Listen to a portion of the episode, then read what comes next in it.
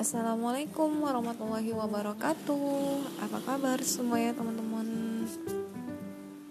Alhamdulillahirrahmanirrahim. Uh, Hari ini Denny juga mau bahas hadis lagi.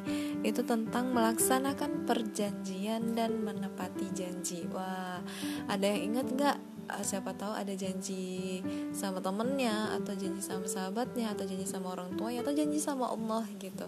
Atau mungkin ada yang memiliki utang gitu. Janji mau bayar kapan gitu.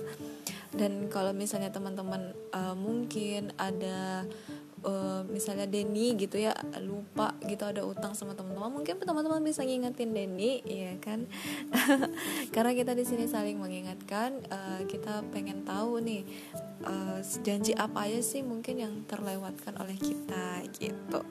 Nah, di sini ada firman Allah taala dalam surah Al-Isra ayat 34. Bismillahirrahmanirrahim. Wa aufu bil ahd. Innal ahda kana mas'ula. Artinya, dan penuhilah janji, sesungguhnya janji itu pasti diminta pertanggungjawabannya. Jadi semuanya itu pasti ada tanggung jawabnya baik itu di dunia dan di akhirat. Kalau misalnya kita lupa sampai kita meninggal, maka pertanggungjawabannya di akhirat. Tapi maka bersyukurlah kita kalau kita masih mengingatnya selagi kita masih di dunia, maka kita masih bisa untuk membayarnya. Jadi kalau misalnya teman-teman sekarang nih dengerin ini terus tiba-tiba teringat dengan janji dan utang-utangnya, lebih baik segera dicatat, habis itu dipersiapkan mau bayarnya kapan, langsung kita gerak untuk bisa menyegerakan uh, untuk menepati semuanya dengan baik. Selanjutnya ada firman Allah lagi dalam surah An-Nahl ayat 91. Bismillahirrahmanirrahim. Wa aufu bi ahdillahi idza ahadtum. Artinya, dan tepatilah perjanjian dengan Allah apabila kamu berjanji. Jadi kita mungkin ada janji sama Allah. Siapa yang punya janji sama Allah? Ini apa ya janjinya? kayak misalnya kita ya Allah uh, aku pengen berbuat baik tahun ini insya Allah mudah-mudahan nah kita juga harus bisa menepati janji kita gitu dengan melakukan amalan-amalan perbuatan baik serta tetap melakukan kewajiban yang udah Allah tetapkan Selanjutnya dalam surah Al-Maidah ayat 1 Bismillahirrahmanirrahim. Ya ayyuhalladzina amanu awfu bil uqud. Artinya hai orang-orang yang beriman penuhilah akad-akad itu. Jadi penuhilah apa yang udah teman-teman ucapkan. Itu akad ya akad tuh kesepakatan. Jadi misalnya kita punya utang dengan seseorang nah kalian punya kesepakatan di dalamnya pastinya kan oh iya aku bayar besok ya. Nah penuhilah ke akad itu gitu. Jadi besoknya harus memang dibayar gitu Terus ada lagi dalam surah As-Saff ayat 2 sampai 3. Bismillahirrahmanirrahim. Ya ayyuhalladzina amanu lima taqulu ma la taf'alun.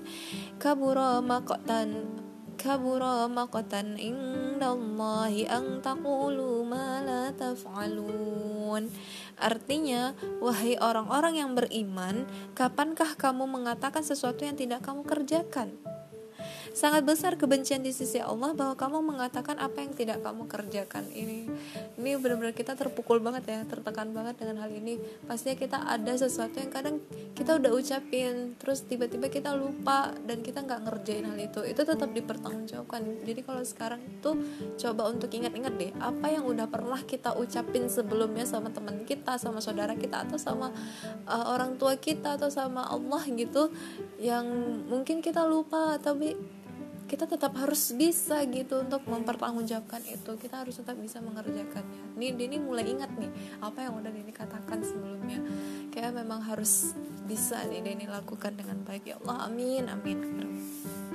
Selanjutnya ini hadisnya ada wa'an Abi Hurairah radhiyallahu anhu anna Rasulullah sallallahu alaihi wasallam qala ayatul munafiqi salasun.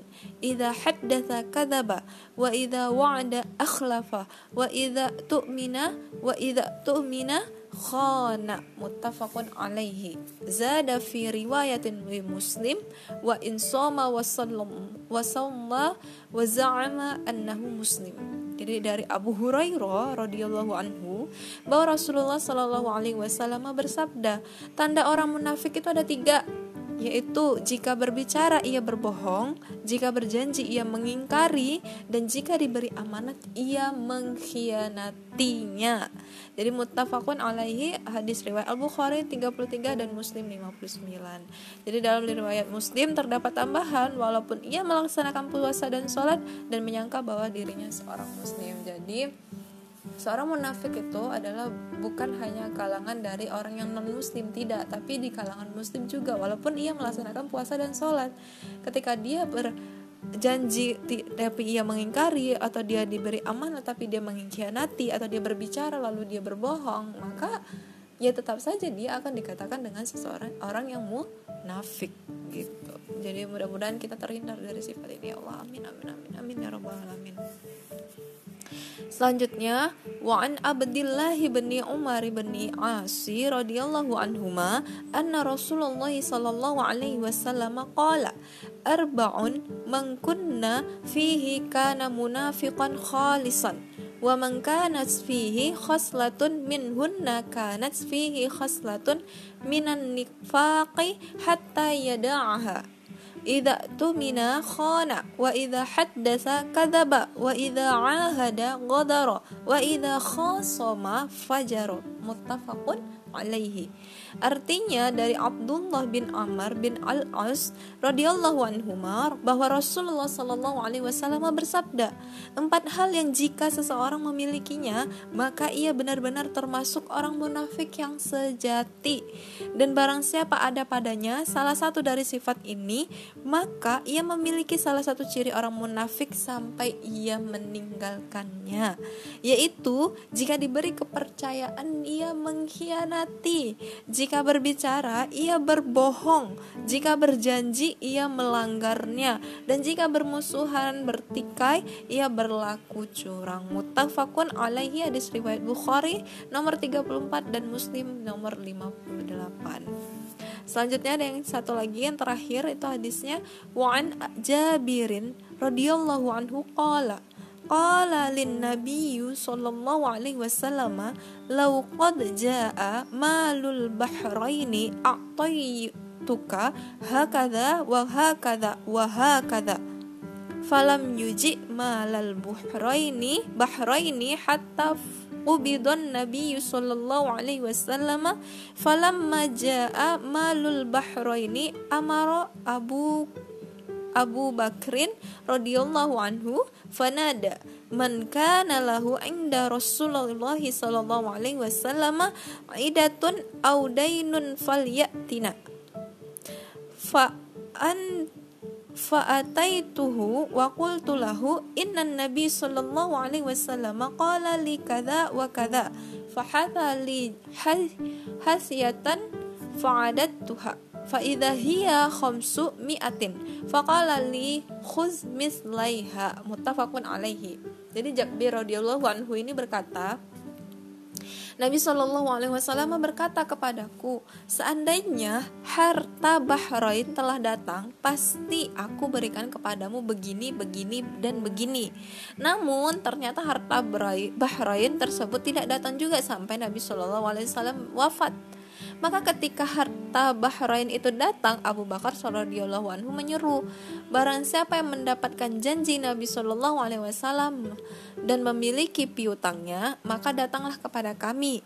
Maka aku pun mendatanginya. Lalu aku berkata, sesungguhnya Nabi Shallallahu alaihi wasallam pernah berkata kepadaku begini dan begini. Lalu Abu Bakar memberiku setangkup. Aku pun menghitungnya. Ternyata itu berjumlah 500. Abu Bakar lalu berkata, ambillah dua kali lipat sejumlah itu. Mutafakun alaihi hadis riwayat Al-Bukhari 2296 dan Muslim 2314. Jadi ketika kita wafat pun kalau kita masih mempunyai utang maka orang yang uh, dekat dengan kita yang ingat kita punya utang atau dari saudara kita dan keluarga kita tuh wajib untuk membayarnya gitu. Jadi uh, sampai kita wafat pun utang itu tetap dihitung gitu. Makanya kenapa kalau misalnya kita sama sekali tidak ingat di saat di dunia ini maka di akhirat maka akan ditagi ketika orang itu pun juga sudah meninggal dan kita bertemu di dalam akhirat hanya perkara utang saja yang tidak dibayar itu menjadi terhambatnya hitungan amal kita di akhirat. Seperti itu ya Allah. Kalau Denny ada punya hutang atau punya salah atau punya apa pun yang mungkin salah terucap ataupun janji yang mungkin tidak pernah tersampaikan ataupun Denny pernah punya dikasih amanah sama teman-teman semua Denny mengkhianatinya tapi eh, Denny nggak ada bermaksud untuk mengkhianati itu semua Denny mohon ampun Denny minta maaf uh, dan juga tolong ingatkan kalau misalnya misalnya Denny memang benar-benar punya utang atau mungkin punya sesuatu yang mungkin mengganjal dalam diri kalian katakan saja gitu. Ucapkan saja gitu. Siapa tahu kita selagi kita masih di dunia kita masih bisa memperbaiki semuanya. Tapi kalau kita udah di akhirat bagaimana caranya kita untuk memperbaikinya? Oleh sebab itu selagi kita masih berada di dunia selagi kita masih bisa bertemu selagi kita masih bisa uh, chattingan dalam WA DM atau apa pun masih bisa uh, berkomunikasi dengan baik lebih baik kita selesaikan masalah permasalahan yang ada di dunia ini sekarang juga gitu. Daripada kita nunggu nunggu nunggu sampai akhirnya kita udah wafat kita nggak tahu lagi bagaimana cara kita untuk membalas atau mengganti semuanya atau membayar itu semua kita nggak pernah tahu ya kan? Kalau misalnya kita ingat kita bisa sampaikan kepada saudara kita. Kalau kita nggak nyampaikan kepada saudara kita saudara kita tahu dari mana kita punya utang. Kalau ia kerabat atau sahabat kita mengatakannya. Kalau tidak mereka akan bilang ya udahlah biarin aja. Tapi kita tidak pernah tahu hati, isi hati dari seseorang tersebut. Nah itu selagi kita masih bisa menyelesaikan di dunia maka lebih baik selesaikan di dunia. Oke itu saja dari Dini. Semoga bermanfaat pada hari ini. Assalamualaikum warahmatullahi wabarakatuh